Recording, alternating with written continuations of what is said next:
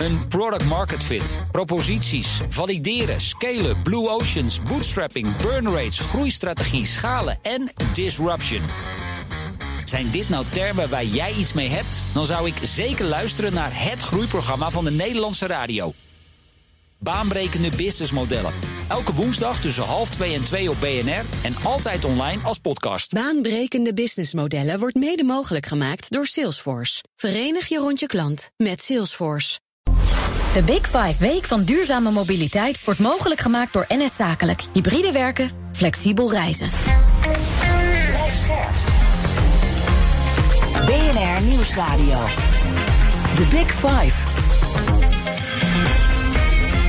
Paul van Liemt. We willen allemaal veilig en comfortabel kunnen reizen. Dat is ook van groot economisch belang. Tegelijkertijd zijn ons verkeer en transport verantwoordelijk voor bijna een kwart van de CO2-uitstoot in Nederland.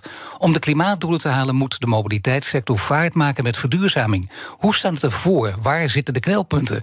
Dat bespreek ik deze week met vijf kopstukken in BNR's Big Five van de duurzame mobiliteit. En vandaag is Bert van Wee te gast bij mij. Hij is transportprofessor van de TU Delft. En sinds 2003 is hij verbonden aan de TU als hoogleraar transportbeleid en leider van de sectie transport en logistiek. Welkom. Goedemorgen.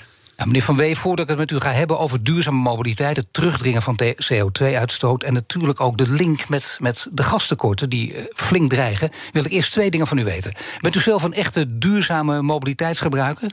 Ik reis heel veel met de trein. Ik ga van Amersfoort naar Delft altijd met de trein. En ook zakelijk doe ik vrijwel alles met de trein. Eerste klas of niet? Eerste klas. Ja. Lekker rustig stiltecoupé. Kan ik heel goed werken. Fijner ik... dan de auto?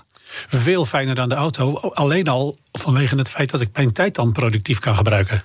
Maar ik wil niet schijnheilig zijn. Ik heb ook een auto en twee oldtimers voor de hobby. En voor Zo. mijn werk ga ik af en toe ook met het vliegtuig. Maar echte, ook echte oldtimers zijn dat? Uh, ja, twee oude Volkswagen Kevers van 1952 en 1967. Ja, lekker van die echte flinke uitstoters. Ja, maar ik rijd er niet veel mee. nee. Dan ten tweede, vandaag een bijzondere dag. Want uh, later vandaag de officiële uitreiking van de zogenaamde zilveren leermeesterpenning. Hebt u twee jaar op moeten wachten, wel met corona te maken. Maar dat is wel een hele bijzondere onderscheiding volgens mij. Het gaat om onderzoek en onderwijs, dat allebei. En door collega's en studenten moet je aangewezen worden. Dus het is nogal een eer die je te beurt valt. Ja, ik ben er heel blij mee. Het is een jaarlijkse prijs voor een TU Delft hoogleraar. Dus ja, dat komt niet heel veel voor. En het aardige is wel, onderzoek en onderwijs zeg ik erbij. Nu zie je veel hoogleraren die zeggen onderzoek is heel belangrijk. Is het ook. En onderwijs vinden ze ook wel belangrijk, maar toch uh, wat minder. Is dat bij u ook als u heel eerlijk bent? U zegt ik wil niet schijnheilig zijn. Nou, ik vind het super belangrijk om goed onderwijs te geven. En ik vind het ook heel erg leuk. Dus ik heb heel veel afstudeerders begeleid. Inmiddels over de 400. Ik heb ook veel college gegeven. Dus nee, ik vind onderwijs zeker zo belangrijk als ook onderzoek. Ook aan eerstejaarsstudenten? Ook aan eerstejaarsstudenten, zeker. Het is wel zo dat je vaak wordt afgerekend op je toppublicaties. Dus ik snap wel dat sommige mensen zeggen...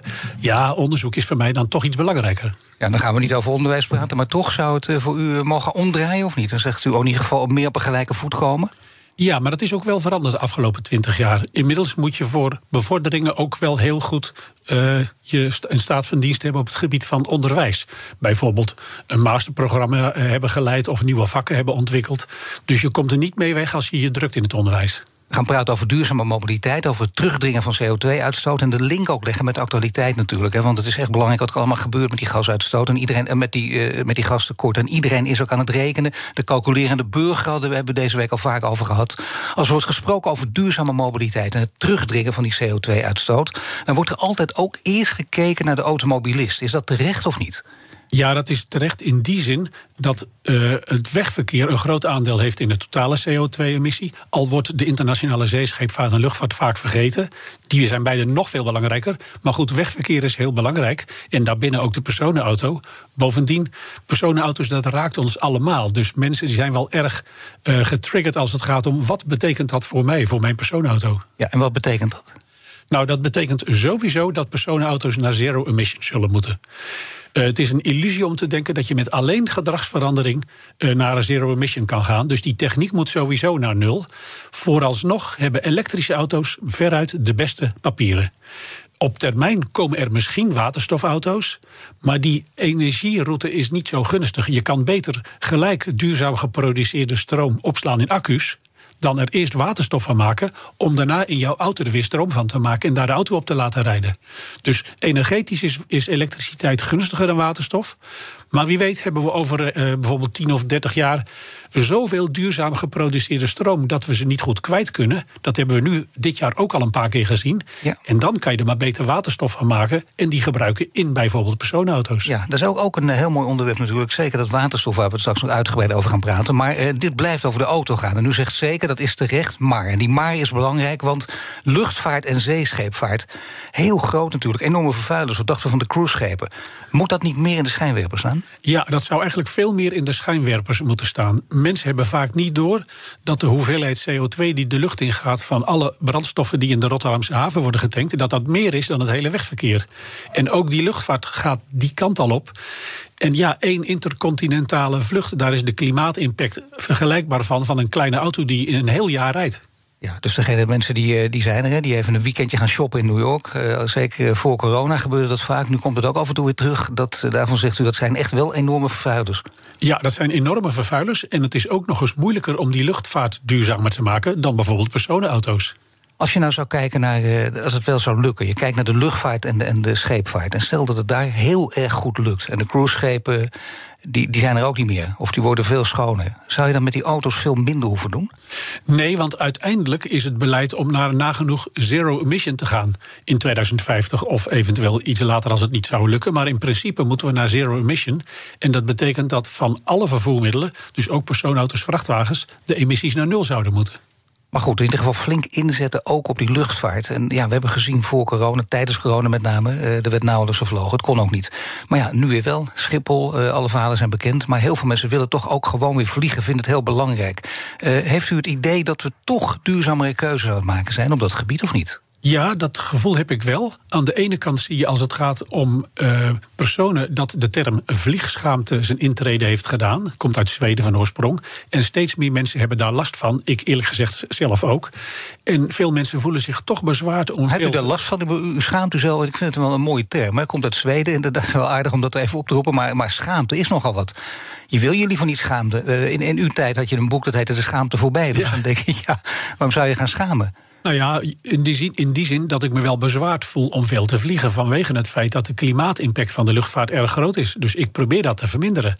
En we hebben met de coronacrisis gezien dat uh, heel veel mensen dachten: ja, al dat zakelijke vliegen dat is heel belangrijk voor de economie. Nou, tijdens corona kon dat nauwelijks. En de economie is echt niet ingestort. En we zijn erachter gekomen dat je heel veel dingen prima online kan doen. Inclusief wetenschappers, inclusief congressen. Ik heb deelgenomen aan heel veel congressen puur online.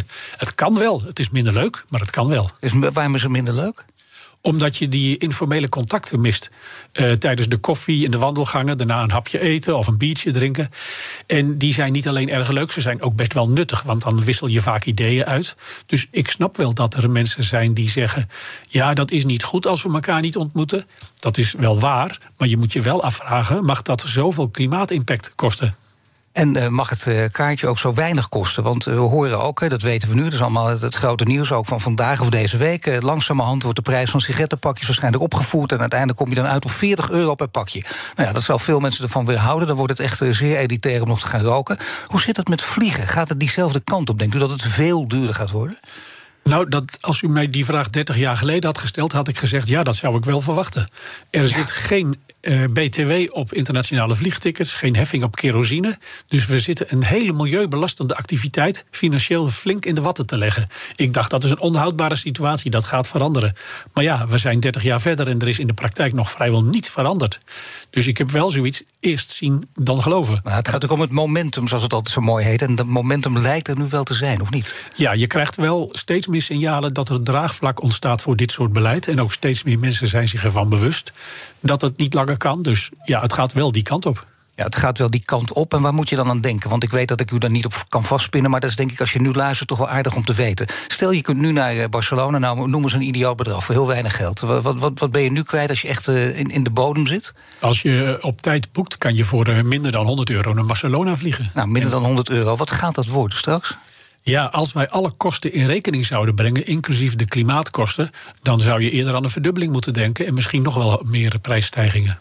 Ja, nou, daar zullen mensen toch van schrikken, maar nog niet helemaal. 200 euro, dat kan nog hoger. Want dat zijn namelijk ook, eh, dat zijn heel veel scenario's, maar een mogelijk scenario ook dat het snel gaat en dat je over twee, drie jaar eh, heel snel boekt, zo vroeg mogelijk de goedkoopste reis naar Barcelona wordt dan 300 euro. Ja, dat zou kunnen dat het dus flink duurder wordt. En dat is voor veel mensen dan nog steeds een reden om wel te gaan vliegen en niet met de trein te gaan. Maar je zou moeten beginnen met de vraag: waar ga ik naartoe? Veel mensen zeggen ja, ik wil naar Barcelona en de trein is te duur of duurt te lang, dus ik moet wel met het vliegtuig. Ja, je kan in de plaats van een weekend naar Barcelona natuurlijk ook een weekend naar Brussel of naar Parijs of ergens anders naartoe gaan. Nee, maar je niet voor de afwisseling eh, denk je nou Barcelona toch leuk, dus ik kan me dat wel voorstellen. Mooie stad ook daar. Ja, dat kan ik me heel goed voorstellen. En ik heb ook niet de illusie dat we daar helemaal mee stoppen. Dus de luchtvaart die we dan nog wel hebben over bijvoorbeeld 30 eh, of 40 jaar, die zal ook veel duurzamer moeten worden door middel van technologie. En we denken dat synthetische brandstoffen daar de beste oplossing voor zijn. Zo, dat is wel echt. Uh, dus u denkt, er zijn ook heel veel mensen die zeggen: Nou, dat is gewoon die lobby uit uw luchtvaart en zo. Dit soort verhalen kloppen van geen kanten. Maar u denkt wel degelijk met uw achtergrond dat het zou kunnen. Nou, de luchtvaartlobby komt ook met elektrische vliegtuigen. Daar moeten we niet intrappen. Nee. Uh, dat kan alleen met kleine vliegtuigjes over korte vluchten. Maar het overgrote deel van de CO2-emissie van de luchtvaart zit hem niet in die vluchten, maar in veel langere vluchten. Dus trap niet in het verhaal dat elektrische vliegtuigen het probleem gaan oplossen. Uh, synthetische brandstoffen of eventueel waterstof, dat kan op zich wel. Synthetische brandstoffen kun je in de huidige vliegtuigen stoppen en dat is dus relatief makkelijk. Voor waterstof moet je wel nieuwe vliegtuigen ontwikkelen. Dat is best wel duur en riskant voor Boeing of eh, Airbus. Want als het misgaat, ja, dan zijn ze heel veel geld kwijt. Alleen we kunnen nog niet heel veel van die synthetische brandstoffen produceren. En het is ook nog behoorlijk duur. Er is, er is dus nog wel een lange weg te gaan voordat we die kant op gaan. The Big Five. The Big Five. Paul van Liemt. Mijn gast is Bert van Wee. Hij is transportprofessor aan de TU Delft. Ja, het gaat om de technologische ontwikkelingen, de innovatieve technologie... die een heel grote rol speelt voor u. Eh, een grotere rol dan gedragsverandering. Daar komen we zeker als rode draad nog een paar keer op terug. Welke technologische ontwikkelingen en innovaties binnen de transportsector... zijn volgens u hoopgevend als je kijkt naar een toekomst met duurzame mobiliteit? Ja, alles wat richting elektrisch gaat is sowieso hoopgevend. Um, ten eerste omdat het een energetisch hele gunstige route is. Uh, je hebt minder verliezen dan met fossiele brandstoffen. En ten tweede kan je elektriciteit duurzaam produceren. En het aandeel duurzaam neemt ook heel hard toe. Dus elektrisch is zeker voor het vervoer over land een goede optie. Tenminste voor personenwagens, bestelwagens, tweewielers. Deels wellicht ook nog voor vrachtwagens in de toekomst. ja, voor vrachtwagens ook? Ja, op termijn verwachten we dat er wel steeds meer elektrische vrachtwagens gaan. Maar wat is op termijn? Ja, de, de ontwikkelingen zijn al volop bezig. Misschien over een jaar of tien verwacht ik dat het toch wel een deel van de nieuwverkopen van vrachtwagens zero emission is. Dat is heel snel. Dat betekent als je dat weet, en met name de industrie zal daar al op vooruit willen spelen. Want dat vergt enorme investeringen. En u zou nu zeggen, als men dat aan u vraagt, stel je bent in die sector werkzaam of je bent er leidinggevend, moet ik investeren daarin? Dan zegt u ja. Het lastige is dat overheden vaak niet helemaal consequent zijn. Nee, en je niet weet eh, waar je aan toe bent. Dus het is altijd een beetje een gok. Ik zou zeggen, je kan je de gok ook niet veroorloven om te veronderstellen dat dat niet gebeurt. Dus daar moeten ze zeker op anticiperen. En die technologie valt op zich nog wel mee kosten is nu het grootste probleem. Maar de kosten van accupakketten zijn de afgelopen jaren al heel, heel fors gedaald. De prijs per kilowattuur, dat is een hoeveelheid stroom die je kan opslaan in een accu, is tussen 2011 en 2019 al met uh, meer dan 80% gedaald. Ja, als we nog zo'n slag maken, dan worden uh, vrachtwagens op elektriciteit concurrerender. Dat zou, dat zou heel groot zijn natuurlijk. En u heeft gelijk, het is altijd een risico natuurlijk. Maar ja, dat, dat hoort bij ondernemen, dat weet je. Dan moet je met al die zaken rekening houden. Maar toch zeker niet wegvlakken dit. Want als je het niet doet, zegt u, is het ook stom. Precies. En er komt nog eens bij dat steeds meer steden erover denken... om te zeggen, vanaf bijvoorbeeld 2030 kom je niet meer de stad in... Uh, als je nog uh, uitstoot hebt. En dat betekent dat je dan met een elektrische vrachtwagen door kan rijden. Maar met een vrachtwagen die op diesel rijdt, zou je dan aan de rand moeten stoppen. Die goederen moeten uitladen en in een ander vervoermiddel moeten inladen en door moeten rijden. En dat is een flink dure optie. Dus het wordt misschien ook wel goedkoper om dan een elektrische vrachtwagen te hebben. Nou, reden te meer misschien toch om eh, in die zin aan investeringen te denken. Als we kijken naar de transportsectoren, ze allemaal op een rijtje zetten, is er dan één die, die echt achterblijft op het gebied van technologische innovatie? Ja, de luchtvaart en de zeescheepvaart zijn de grootste zorgenkindjes als het gaat om klimaatverandering. Uh, omdat het aandeel eh, van die twee behoorlijk groot is. En dan moet ik wel zeggen, in Nederland is dat veel groter dan elders. Want we hebben en een hele grote haven, Rotterdam. En we hebben een grote luchthaven, Schiphol, met heel veel transferpassagiers. Dus ten opzichte van de omvang van het land is Schiphol ook heel groot. En moet je dat allemaal aan Nederland toerekenen? Dat is altijd een ingewikkelde discussie. Maar niettemin, luchtvaart eh, zit sterk in de lift, eh, afgezien van corona. Dus we verwachten dat er wereldwijd nog al makkelijke verdubbeling van het aantal luchtvaartpassagiers gaat optreden in de komende 40 jaar. Terwijl de technologische ontwikkeling daar fors bij achterblijft. Dus als er niets gebeurt, gaat die luchtvaart steeds meer CO2 uitstoten. In plaats van steeds minder wat we willen. En wordt het nog drukker op Schiphol? Want als je kijkt wat er nu gebeurt en ik tel er een verdubbeling bij, dan is het onmogelijk natuurlijk. Dan leidt het echt tot opstanden. Schiphol heeft nogal wat problemen om het eens zacht uit te drukken. Wat zou u ze aanraden als u daar van, van enige afstand naar kijkt? Ja, het lastige is dat Schiphol in zijn eentje niet zo heel veel kan veranderen. Maar ze kunnen wel zeggen: wij zijn er ook voor dat er uh, wat stringenter, wat strenger milieubeleid komt voor de luchtvaart. En wij willen daar best aan meedoen. Moeten we nog wel willen verdubbelen ten koste van het milieu? Alleen ja, één losse luchthaven doet niet zoveel. Dat zou je op zijn minst op Europees niveau moeten aanpakken. En niet alleen binnen Nederland. Nee, maar Schiphol maakt in ieder geval binnen Nederland wel al deel uit van de mobiliteitsalliantie. Dan, dan geef je toch een bepaald signaal af. En internationaal zou je dat moeten aanpakken. Maar hoe kan dat dan? Want dat is precies waar Schiphol voor staat. En waar iedereen nu ook last van heeft en mee te maken heeft. Ja, de luchtvaart lobby, noem ik het maar even, die verschuilt zich achter het uh, verdrag van Chicago uit 1944, wat zegt dat er geen heffingen uh, mogen zijn op, uh, op kerosine en op internationale tickets. Want het zou goed zijn voor alle landen ter wereld als ze goed verbonden waren. stabiliteit, et cetera.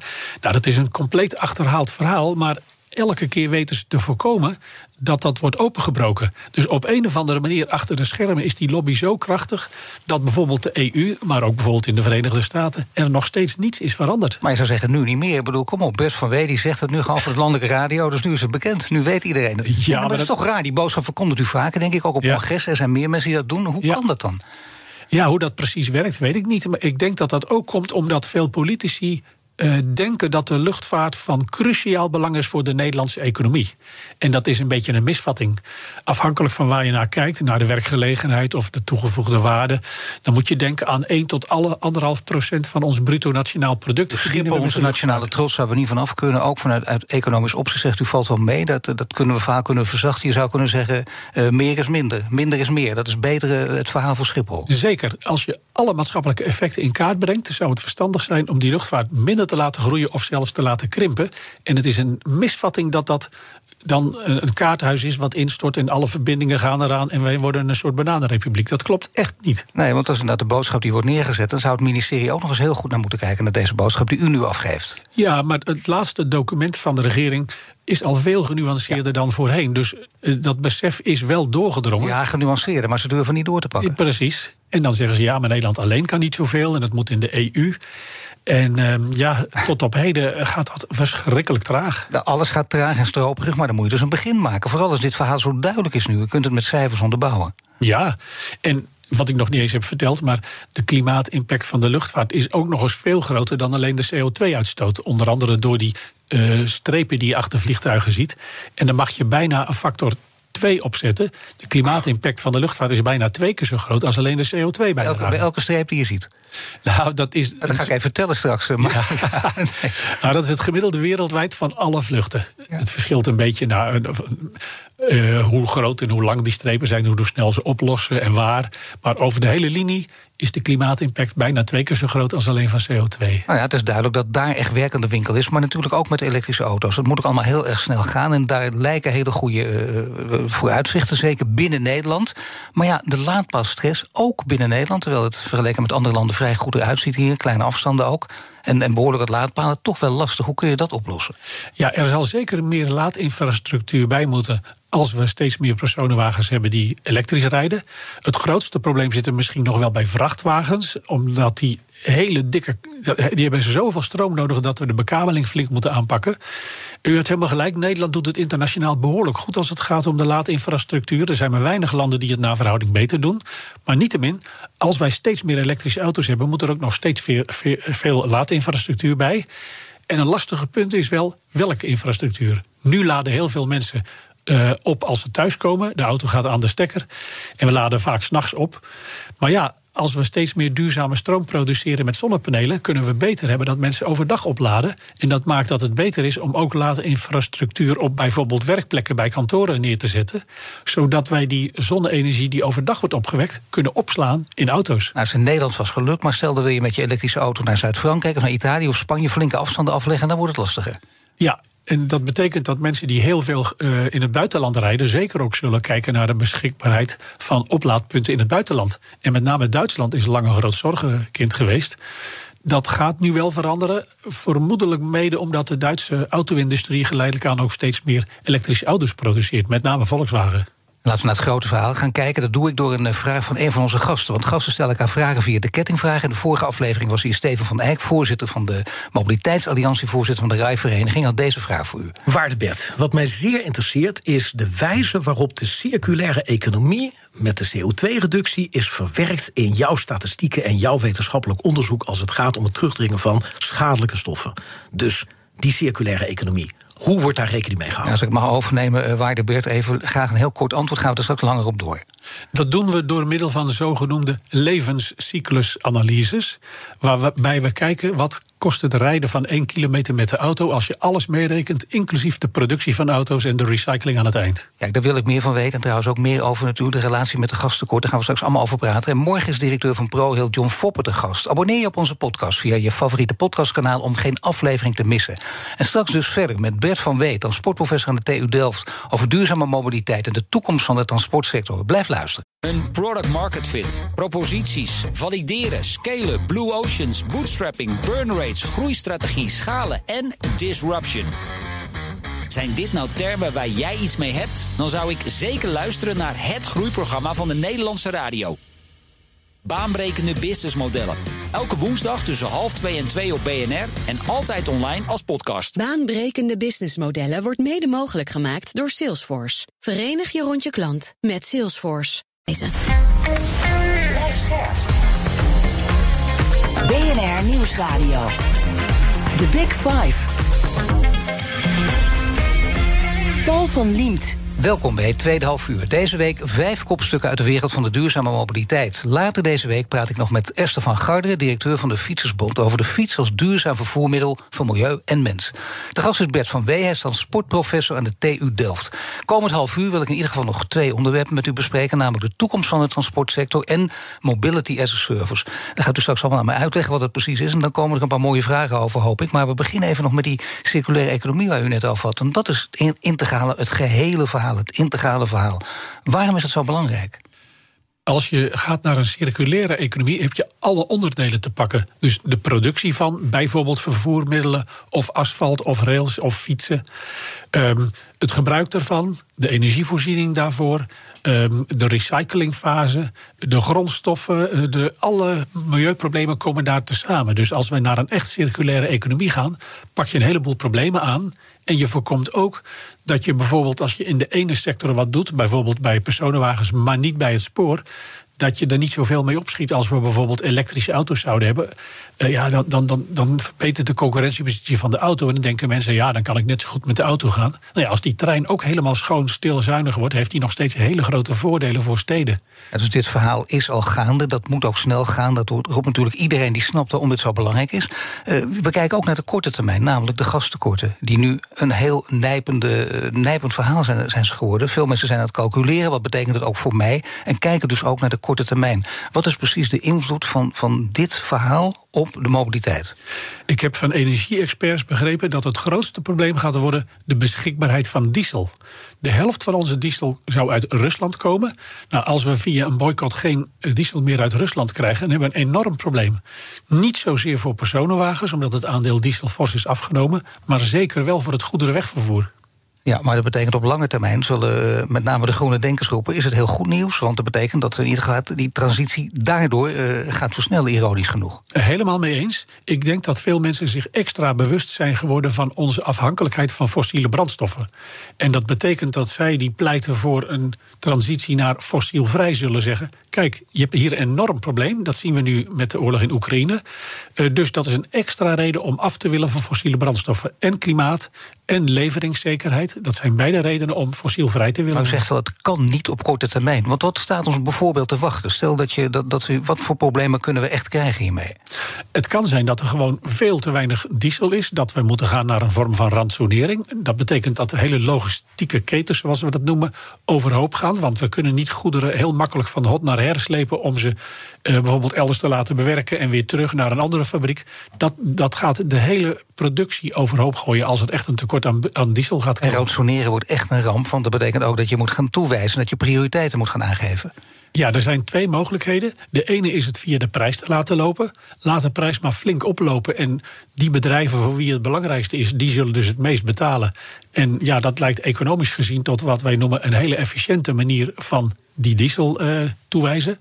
Maar dat heeft soms uh, problemen met wat we dan met z'n allen eerlijk vinden. En dat kan een reden zijn waarom de overheid zegt: het gaat niet alleen via de prijs.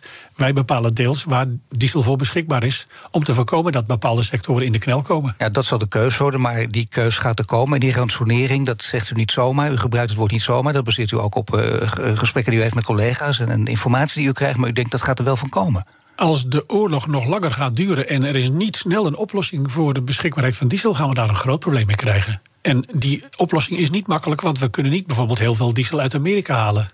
Nee, nu zien we dat, dat geen enkele oplossing nu uh, makkelijk is. Het woord complex valt ook voortdurend terecht, ook, dat snap ik. Maar je wilt toch altijd richting oplossingen. En een van die oplossingen zou zijn, als we over mobiliteit praten... mobility as a service. Kunt u even eerst kort toelichten wat dat precies is? Want er zijn ook verschillende definities voor. Ja, de meest gangbare definitie is dat we allerlei mobiliteitsdiensten onder één paraplu samenbrengen. Het gaat bijvoorbeeld om trein, bus, tram, metro, ook deelauto's, deelfietsen, uh, die, die kleine stepjes, dat soort zaken. Alles kan eronder met elkaar meerijden met de auto. Dat noemen wij mobiliteitsdiensten. Die worden dan via één app ontsloten, dus de informatievoorziening is centraal. Uh, de boeking uh, gaat via één druk op de knop, de reservering. Dus het wordt allemaal makkelijk via één app. Dat is de kern van Mobility as a Service. Ja, degenen die hiervoor zijn, die roepen dus ook, eh, als we dit verhaal ook weer van u horen, met deze definitie in je achterhoofd, het is een onmisbare bouwsteen. En ze doen daar enorm juichend en enthousiast over. Dat begrijp ik als je daar belang bij hebt. Maar wat is de praktijk? De praktijk is dat dat maar een klein aandeel van alle verplaatsingen voor zijn rekening gaat nemen. Laat ik vooropstellen, er is op niets op tegen. En natuurlijk, het is makkelijk, dus ik zeg niet dat moet je niet doen. Alleen als mensen denken dat de, dankzij Mobility as a Service massaal de auto laten staan, dan komen ze bedrogen thuis. Het idee van de deelauto, want dat, dat doet dan met name de grote steden opgangen. Dan zeg je, kijk eens, jonge generaties doen dat. Ouderen willen zich daar graag bij aansluiten, willen niet achterblijven, willen niet voor uh, oude lul worden versleten en gaan er ook in mee. En daardoor krijg je dus enorm veel mensen die er gebruik van maken, maar de praktijk is dus toch anders. Het Kennisinstituut voor Mobiliteitsbeleid heeft vorig jaar een studie gepubliceerd waaruit blijkt dat slechts 1 op de 5000 ritten uh, met de auto een rit per deelauto is. Dus als het deelautogebruik 100 keer zoveel zou zijn als nu, dan hebben we nog maar 2% Ja. Ik zeg niet dat het niet meer kan worden, maar vooralsnog blijft de praktijk fors achter bij wat mensen hoopten. Zit u wel eens in een deelauto of niet? Ik heb er nog nooit gebruik van gemaakt. Nog nooit, ook niet om te weten hoe het is, even kijken hoe dat gaat? Nee, nog nooit. Uh, nee, wel gewoon natuurlijk met andere mensen meerijden, maar niet via uh, de apps die daarvoor zijn om de auto van de buurvrouw te lenen of van Greenwheels. Of dat maar daarom, dat is toch interessant, want er zijn steeds meer van die bedrijven. Greenwheels was de bekendste, maar er zijn er veel meer nu. En u heeft nooit gedacht, uh, wacht even, dat heeft zo'n enorme invloed op mij. In, in tegendeel dus bijna. Nou, ik, ik ben daar helemaal niet op tegen, maar wij... Te veel gedoe? Uh, nou, we hebben zelf een auto en dan is het voordeel van een deelauto ongeveer afwezig. Het zou in het buitenland nog een keer kunnen, maar nou, ik, ik, fiets graag en uh, heel veel afstanden tot aan een kilometer of twintig zijn prima te fietsen. Mag ik dan weten waar u woont? Ik woon in Amersfoort. Nou ja, kijk, uh, dat is net geen grote stad. Hè? Want Mobility as a Service vooral een succes binnen de grote steden. Dus laten we zeggen, echt de grote steden binnen de Randstad... en dan uh, boven de 200.000 inwoners. Nou, ook wel middelgrote steden. Maar inderdaad, hoe groter de stad, hoe groter het voordeel. Al helemaal als je daar het autogebruik terugdringt. En dat is voor mij de belangrijkste functie van Mobility as a Service... en ook van deelauto's als we de rol van de auto flink willen terugdringen in stedelijke gebieden, en dat gaat met name in grotere steden het makkelijkst, dan moet je wel alternatieven bieden. En mobility as a service kan een heel goed alternatief zijn voor individueel autobezit. Tuurlijk, maar ja, je ziet dat dat uh, professor Van Wee, die krijgen we ook niet over de streep. Dus er zullen er meer zijn natuurlijk. Dat is zelfs een hele grote meerderheid. En je merkt ook dat mensen dan kilometer gebruiken en dat je daarvoor moet gaan betalen. Dat wel snappen. Maar het bezit van de auto, uiteindelijk moet je daarvan afblijven. Althans, als je kijkt naar de grote getallen. Nou, de grote getallen kijkend is dat zeker waar. Maar je ziet dat in centrale stedelijke gebieden en de schil eromheen. Denk aan wijken als Witte Vrouwen uh, Utrecht. Als je daar wilt gaan wonen, je krijgt maar één parkeerplek maximaal per huishouden. En wil je meer auto's hebben, prima, jouw probleem. En als je ziet dat het ruimtelijk beleid van Nederland nu is dat we de woningen die we gaan bouwen de aankomende decennia vooral binnen de contouren van de steden willen bouwen, gaan we veel meer wijken krijgen, zoals Merwede Kanaalzone in Utrecht of hier in Amsterdam het Westelijk Havengebied. Veel meer woningen en appartementen. En het is een complete illusie dat die mensen net zoveel auto's zullen gaan bezitten als de huidige inwoners van die steden. Dus het autobezit wordt daar veel lager. En dat weten mensen van tevoren als ze daar naartoe verhuizen. En ik verwacht dat in dat soort wijken het autobezit flink lager zal zijn dan wat nu in Nederland het geval is. toch een vorm van, eh, van slimme dwang is dit. En eh, dat is, dat, zo zou het misschien mogen omschrijven. Ik zie u gelukkig ja knikken, dus dat ik geen verkeerde woorden nu gebruik. Want dat is het wel. En dan denk je, ja, daar houden mensen ook niet van. Dus eh, hoe kan het nou? Dat is een jouw probleem dat je maar één auto mag hebben. Ik wil daar wonen, maar wel met drie auto's. Dat kan gewoon niet meer. Ja, laat ik vooropstellen, ik ben het helemaal eens met een vorm van dwang. In die zin dat als je mensen vraagt via postbus 51 spotjes... wilt u de auto een dagje laten staan? Ja, dat, dat, dat werkt vrijwel niet. Uh, dwang, dat klinkt negatief. Je kan het ook positief verwoorden. Er zijn veel mensen die graag in zo'n stedelijk gebied wonen. Alles is dichtbij. Je kan heel makkelijk met de fiets of met het openbaar vervoer. Ja. En die steden zijn veel leefbaarder als er veel minder rijdende en geparkeerde auto's zijn. Dus positieve dwang in dit geval. Het is niet alleen een marketingverhaal. U zegt dat is, eh, dat is een betere term natuurlijk. Maar dit is inhoudelijk uh, snijdt het hout. Ja, zeker. Want ik zou dan ook niet zeggen. Wij gaan nu proberen jou uit de auto te krijgen. Ik zou zeggen, wij willen prettige, leefbare steden. En die zijn niet te realiseren als mensen massaal uh, auto's bezitten en overal voor gebruiken. Een, een stad die autoluw is, is veel prettiger voor voetgangers, voor fietsers, voor mensen die in een parkje willen zitten. Uh, dan een stad die vergeven wordt van auto's. Ja, dus maar niet voor de winkeliers bijvoorbeeld en andere belanghebbenden, die kijken daar wel anders naar. En, en sowieso mensen die gek zijn op autobezitten, zijn er nog steeds heel veel. Die willen toch het liefst die auto en het liefst ook twee en soms drie als het grote gezinnen zijn, allemaal voor de deur. Ja, en ik, dat wil dus zeggen dat niet iedereen in zo'n wijk hoeft te wonen. Maar voorlopig is er een tekort aan dit soort stedelijke gebieden, want de prijzen zijn veel hoger dan in de schil eromheen. Dus mensen, er is een grote groep mensen die dat wel wil en daar kun je voor bouwen. Die winkeliers denken vaak dat uh, minder parkeren leidt tot minder uh, omzet. Uh, uit onderzoek van de Erasmus Universiteit, Giuliano Mengaro, weten we dat dat niet klopt. Hey. Het is, mensen denken no parking, no business. En daarom zijn ze tegen maatregelen die de rol van de auto, auto beperken. Maar in de praktijk blijkt dat vrijwel nooit het geval te zijn. Sterker nog, het feit dat we de term funshoppen hebben, geeft al aan dat veel mensen het ook wel prettig vinden om te winkelen. En dat wil je niet in een straat die uh, vergeven wordt van auto's die daar rijden en geparkeerd zijn. Nee, maar toch juist wel in een straat dat ze met al die tassen en zo heel snel bij hun eigen auto kunnen zijn. Interessant natuurlijk het onderzoek noemen, want dan zou je zeggen dat het onderzoek zou je ook wat meer aandacht mogen geven. Of zijn er misschien andere onderzoeken die je tegendeel aantonen? Uh, er is sowieso schrikbarend weinig onderzoek naar parkeren uh, uitgevoerd. Dat is heel gek. We weten veel meer van de vervoerwijzekeuze van de mensen of de route dan van hun parkeergedrag. Dat is heel gek. Maar het onderzoek wat wel is uitgevoerd wijst consequent in deze richting. Winkeliers denken dat het beperken van de rol van de auto slecht is voor een omzet. En in de praktijk is dat zelden het geval. Ik moet wel zeggen, als je bijvoorbeeld een witgoedwinkel in het centrum hebt en je wil zelf je koelkast ophalen, wat bijna niemand meer doet overigens, nee. dat kan niet meer. Dus dat soort winkels verplaatsen zich dan naar de buitenwijken of naar industrieterreinen. Maar als je naar de grote getallen kijkt, is het voor de omzet van winkels helemaal niet slecht om de rol van de auto te beperken. Een product market fit, proposities, valideren, scalen, blue oceans, bootstrapping, burn rates, groeistrategie, schalen en disruption. Zijn dit nou termen waar jij iets mee hebt? Dan zou ik zeker luisteren naar het groeiprogramma van de Nederlandse radio. Baanbrekende businessmodellen. Elke woensdag tussen half twee en twee op BNR en altijd online als podcast. Baanbrekende businessmodellen wordt mede mogelijk gemaakt door Salesforce. Verenig je rond je klant met Salesforce. BNR Nieuwsradio. The Big Five. Paul van Liemt. Je luistert naar BNS Big Five van de duurzame mobiliteit. Eerder deze week sprak ik met Lex Hoefsloot, CEO en bedenker van Lightyear, de zonneauto, over innovatie in de duurzame mobiliteit. Terug te luisteren via bnr.nl. Mijn gast is Bert van Wee, transportprofessor aan de TU Delft. Ja, de toekomst is elektrisch, dat is duidelijk in dit gesprek. Dat, dat denkt u ook, dat weet u wel zeker. Tenminste, alle schijn heeft ervan, maar er wordt ook breed ingezet op iets anders, namelijk op waterstof. Hoe kijkt u naar die ontwikkeling van waterstof? Want dat lijkt de heilige graal te zijn, zeker in Brussel. Ja, Waterstof heeft het grote voordeel dat je dat snel kan tanken, veel sneller dan dat je een elektrische auto kan opladen. Het nadeel is dat je van liefst duurzame elektriciteit eerst waterstof moet maken. En daarna in jouw auto of vrachtwagen zet je dat dan weer om naar stroom. Dat is minder efficiënt dan gelijk die stroom in de accu opslaan. Dus de vraag is onder welke omstandigheden is waterstof interessant? Dat is vooral het geval als we heel veel duurzaam geproduceerde stroom hebben. En die stroom kunnen we niet op dat moment allemaal gebruiken. Rechtstreeks in fabrieken, in huishoudens of uh, auto's opladen. Ja, dan kan je daar waterstof van maken. Zodat je later en op een andere plek alsnog daar weer stroom van kan maken.